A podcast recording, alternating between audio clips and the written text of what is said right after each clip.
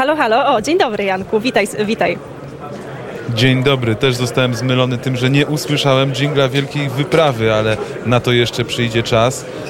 E, świetnie się składa, że właśnie z, rozmawiała, ro, rozmawiałaś o obronności e, z redaktorem portalu Defense 24, ponieważ e, dzisiaj o obronności, a w ogóle o sprawach wojskowych miałem okazję dużo rozmawiać. E, Jesteśmy w Kosowie, wielką wyprawą dotarliśmy tutaj wczoraj wieczorem. Dziś w poranku mogliśmy podzielić się z Państwem odrobiną pierwszych takich naszych spostrzeżeń, pierwszych wrażeń z tego, z tego kraju.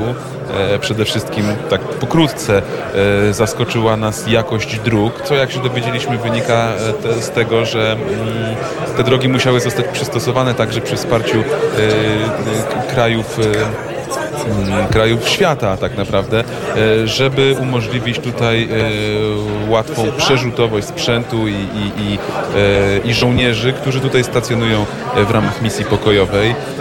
W każdym razie drogi wspaniałe, piękna natura, a sama Prysztina, stolica, stolica Kosowa, zaskoczyła nas właściwie nowoczesnością, której w tym regionie do tej pory w innych stolicach nie napotykaliśmy. E, Ceny są świetne, płaci się w euro.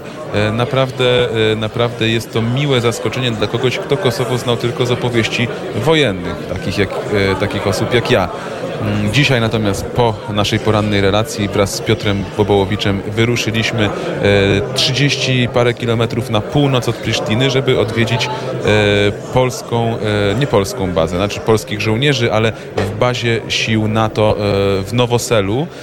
Tam e, przyjęła nas na początku e, pani kapitan Zakrzewska, która wprowadziła nas do bazy. To nie było takie proste, bo najpierw musieliśmy e, zdać wszystkie nasze dokumenty, otrzymać stosowne, stosowne akredytacje, nad którymi pracowałem przez ostatni tydzień, wymieniając maile z rzecznikiem prasowym Wojska Polskiego e, mailowo.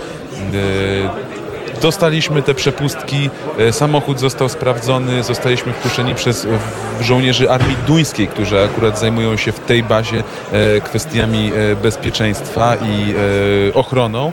Zostaliśmy wpuszczeni na teren, pojechaliśmy do części bazy, która należy do kontyngentu polskiego i tam e, pani kapitan Zakrzewska przekazała nas w ręce e, dowódcy polskiego kontyngentu w misji KFOR, e, czyli podpułkownikowi Pawłowi e, Ganderze, e, z którym na początku porozmawialiśmy o ogólnych celach e, polskiej misji wojskowej e, w Kosowie e, i o tym, e, jak to się odbywa e, z takiej e, oficjalnej, administracyjnej strony. Później natomiast porozmawialiśmy e, z panem porucznikiem i oficerem kompanii manewrowej e, Maślanką. Mm, Naszego swojego imienia nam e, nie zdradził, więc, więc, e, więc powiem tylko tak.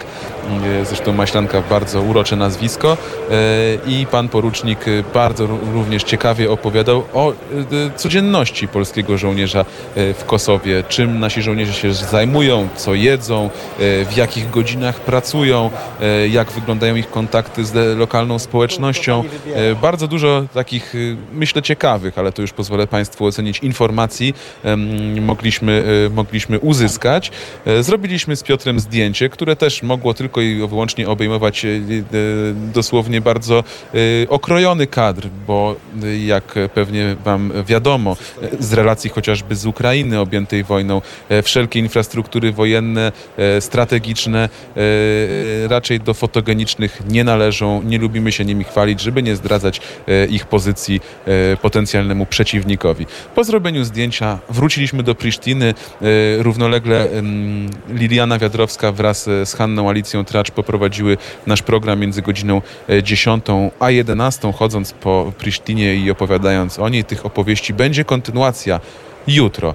E, Jutro w jutrzejszym poranku e, spotkamy się, żeby e, troszeczkę więcej powiedzieć o polskiej misji w KFOR tutaj w Kosowie.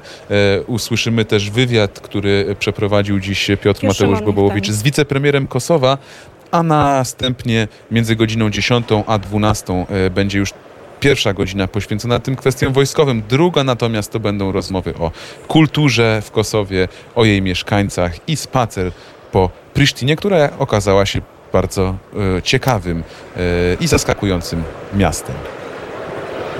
Bardzo serdecznie dziękuję. Jan Olencki prosto z Kosowa.